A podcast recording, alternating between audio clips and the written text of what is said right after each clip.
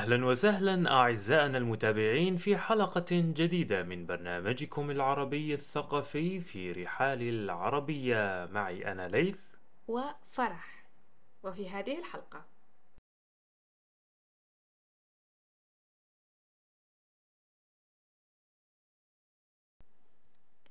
شكرا على كل من شاركنا طريقته المميزة والمبتكرة للتعبير عن المشاعر الآخرين.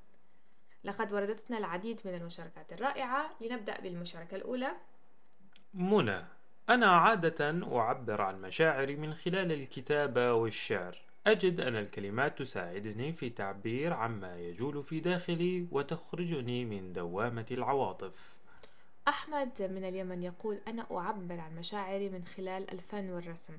أجد الفن وسيلة ممتعة ومريحة للتعبير عن مشاعري وإيصال رسالتي للناس. جميل جدا أن ليت أن يعبر الإنسان عن مشاعره بشيء إيجابي عنها أما ليلى من العراق أحب أن أعبر عن مشاعري من خلال الضحك والابتسام. أجد أن الابتسامة قوية جدا وقادرة على إضفاء الإيجابية على من حولي. أحببت طاقة الإيجابية لدى ليلى. نعم ويوسف من السودان يقول أعتمد على لغة الجسد للتعبير عن مشاعري فأنا أشعر بأنها أكثر صدقا وتصل آه، إلى الآخرين بدون الحاجة للكلام. أما نور من اليمن أحب أن أهدي الهدايا لأحبائي لأعبر لهم عن مدى اهتمامي وحبي لهم. كل الحب لك نور. وأما أحلى من السعودية أفضل التعبير عن مشاعري من خلال الموسيقى العزف على البيانو يساعدني على التعبير عما يجول في داخلي ويساهم في تخفيف الضغوط النفسية. وأما الآن مستمعينا سنأخذكم اليوم في رحلة ممتعة وفريدة لاستكشاف سحر وجمال الخط العربي فهو يعبق بالتاريخ والثقافة. الخط العربي هو فن الكتابة الجميلة بأنماط وأشكال مختلفة. تمتد جذور هذا الفن الراقي إلى العصور القديمة حيث تحولت الكتابة العربية من مجرد وسيلة للتواصل إلى فن ينبض بالحياة والإبداع. ويتميز الخط العربي بأناقته وتعقيد أشكاله وحسن تنسيق حروفه. يتميز كل نمط من أنماط الخط العربي بشكله الفريد مما يجعله يعكس تنوع وغنى الثقافة العربية. وتعتبر فنون الخط العربي أيضا متنفسا للفنانين والكتاب الماهرين في التعبير عن أنفسهم بأسلوب فني مميز. وبفضل التقنيات الحديثة يمكن تطوير الخط العربي بشكل إبداعي واستخدامه في التصميم الجرافيكي والفنون الرقمية. نكتشف سويا روعة الخط العربي ونسافر في عالم الحروف الجميلة والتصاميم الإبداعية اليوم. لنفكر ليث اليوم في هذه الإجازة الصيفية في أخذ درس في خط الرقعة مثلا أو حتى أن نتعلم عن طريق الفيديوهات على الإنترنت لنجعلها فرصة في هذا الشهر لنقترب من لغتنا أكثر. لنقترب من هذا الفن الفريد ونتأمل في سحره فرح وجماله وأثره العميق في تاريخ وثقافة العالم العربي. استعدوا لتجربة مثيرة في عالم جمال الحروف رحلة في عالم الخط العربي.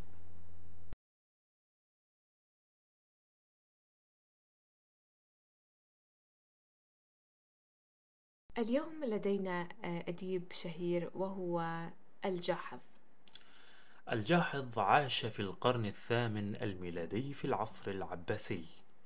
كان شاعرا وأديبا عربيا مبدعا. ويعتبر من أعظم الأدباء في التاريخ العربي. تميزت أعماله بالجمال والب... و... تميزت أعماله بالجمال وهو بديع في السرد والوصف. وكان له أسلوب سلس ورشيق في الكتابة.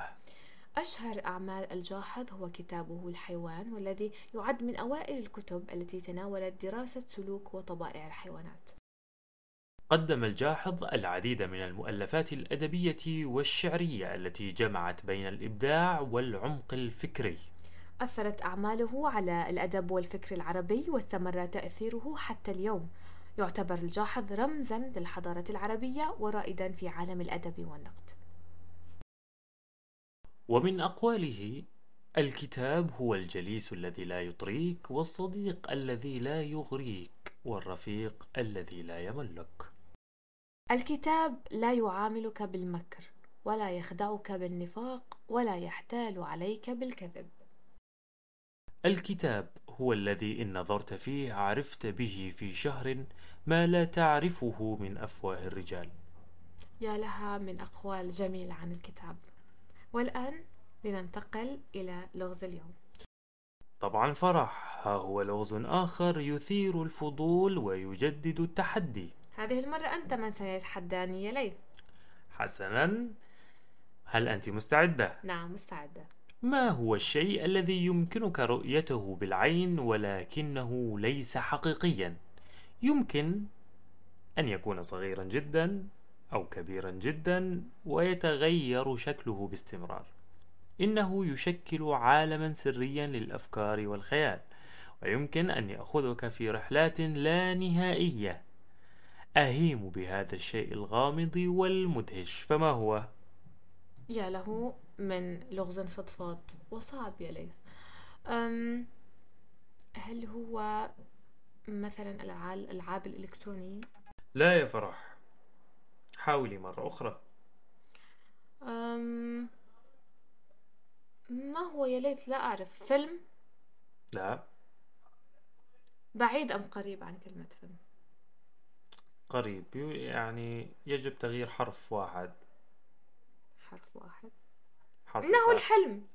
نعم الحلم يا فرح أحسنتي. الجواب هو الحلم. يمكنك رؤية الأحلام بعينيك ولكنها ليست حقيقية في الواقع فهي تتغير وتأخذ أشكالا مختلفة وتأخذك في رحلات خيالية.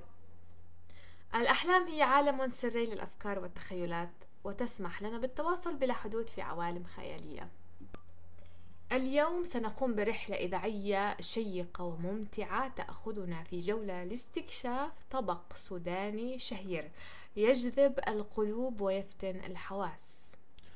نحن هنا لنحكي قصة الشغف النكهات وحلاوة الأطباق في عالم المأكولات السودانية. وطبق اليوم أم مرقيقة تعتبر أحد الأطباق التقليدية اللذيذة التي تعكس تراث وثقافة الشعب السوداني. تعتبر هذه الأكلة من أكثر الوجبات الشعبية التي تحضر في المناسبات الخاصة والأعياد. تتكون من طبقة رقيقة من العجين المحضر بعناية ومهارة وتحشى باللحم أو الدجاج والبصل المقلي والتوابل الشهية. وما يميزها هو طعمها المميز وقوامها المحبب للناس. بالإضافة إلى ذلك تقدم مع صلصة البندورة الغنية والبصل المقطع والفلفل الحار الذي يضيف لمسة من التوابل. يا لها من وصفة شهية. تحمل بين طياتها تاريخا غنيا وتراثا عريقا وهي تجسد جمال التنوع الغذائي في السودان. وبهذا نختم فقرتنا عن طبق اليوم وإلى فقرة هل تعلم؟ هل تعلم أن العالم مليء بالمعلومات الشيقة والمدهشة التي تنتظر اكتشافها؟ نحن هنا لنقدم لكم بعضا من هذه المعلومات الرائعة في فقرة هل تعلم؟ بالطبع فرح، فمن بين هذه المعلومات المذهلة هل تعلم أن النحل هو أحد أكثر الكائنات تنظيما وذكاء في المملكة الكائنات؟ إنها تعيش في مجتمعات هرمية متناغمة وتقوم بمهام محددة بدقة للحفاظ على استمرارية النحلة وجماعتها وهل تعلمين فرح أن الأرض لديها أكثر من سبع قارات وكانت جميعها متصلة في البداية في قارة واحدة تسمى بانجيا؟ ومن الجدير بالذكر أن جسم الإنسان يتكون عن ما يزيد عن 37 تريليون خلية لكل خلية دورها الخاص في الحفاظ على صحة الجسم وتنظيم وظائفه. إن هذه المعلومات الصغيرة لا تمثل سوى جزءا بسيطا من ثروة المعرفة التي يمكن أن نتعلمها عن عالمنا المدهش. لذلك دعونا نكتشف المزيد ونثري حياتنا بالمعرفة والإلهام.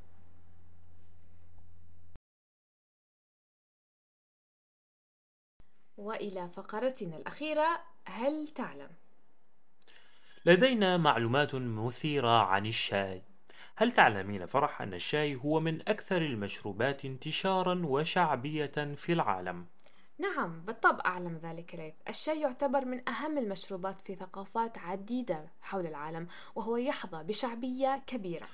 صحيح فرح وهل تعرفين أن الشاي اكتشف لأول مرة في الصين قبل آلاف السنين ومن ثم انتقلت طرق تحضيره واستهلاكه إلى أنحاء أخرى من العالم؟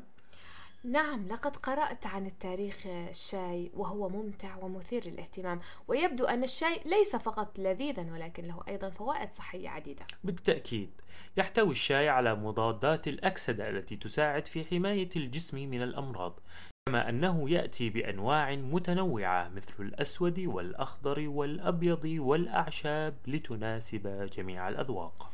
يبدو ليث أن الشاي له سحره الخاص فهو يقدم تنوعا لذيذا وفوائد صحية أيضا. أنا شخصيا أحب الشاي الأخضر وأجد في الراحة والاسترخاء. ماذا عنك ليث؟ أنا أحب الشاي الأخضر أيضا وأحيانا أحب الأحمر كذلك. لذلك دعونا نستمتع جميعا بكوب من الشاي في أوقاتنا الاسترخائية ونستمتع بسحر هذا المشروب العريق. بالتأكيد ونكون هنا. قد وصلنا إلى نهاية الحلقة. لنستمتع بأوقاتنا ونحتسي الشاي ولنواصل تقديم المعلومات المثيرة في فقراتنا المقبلة شكرا لكم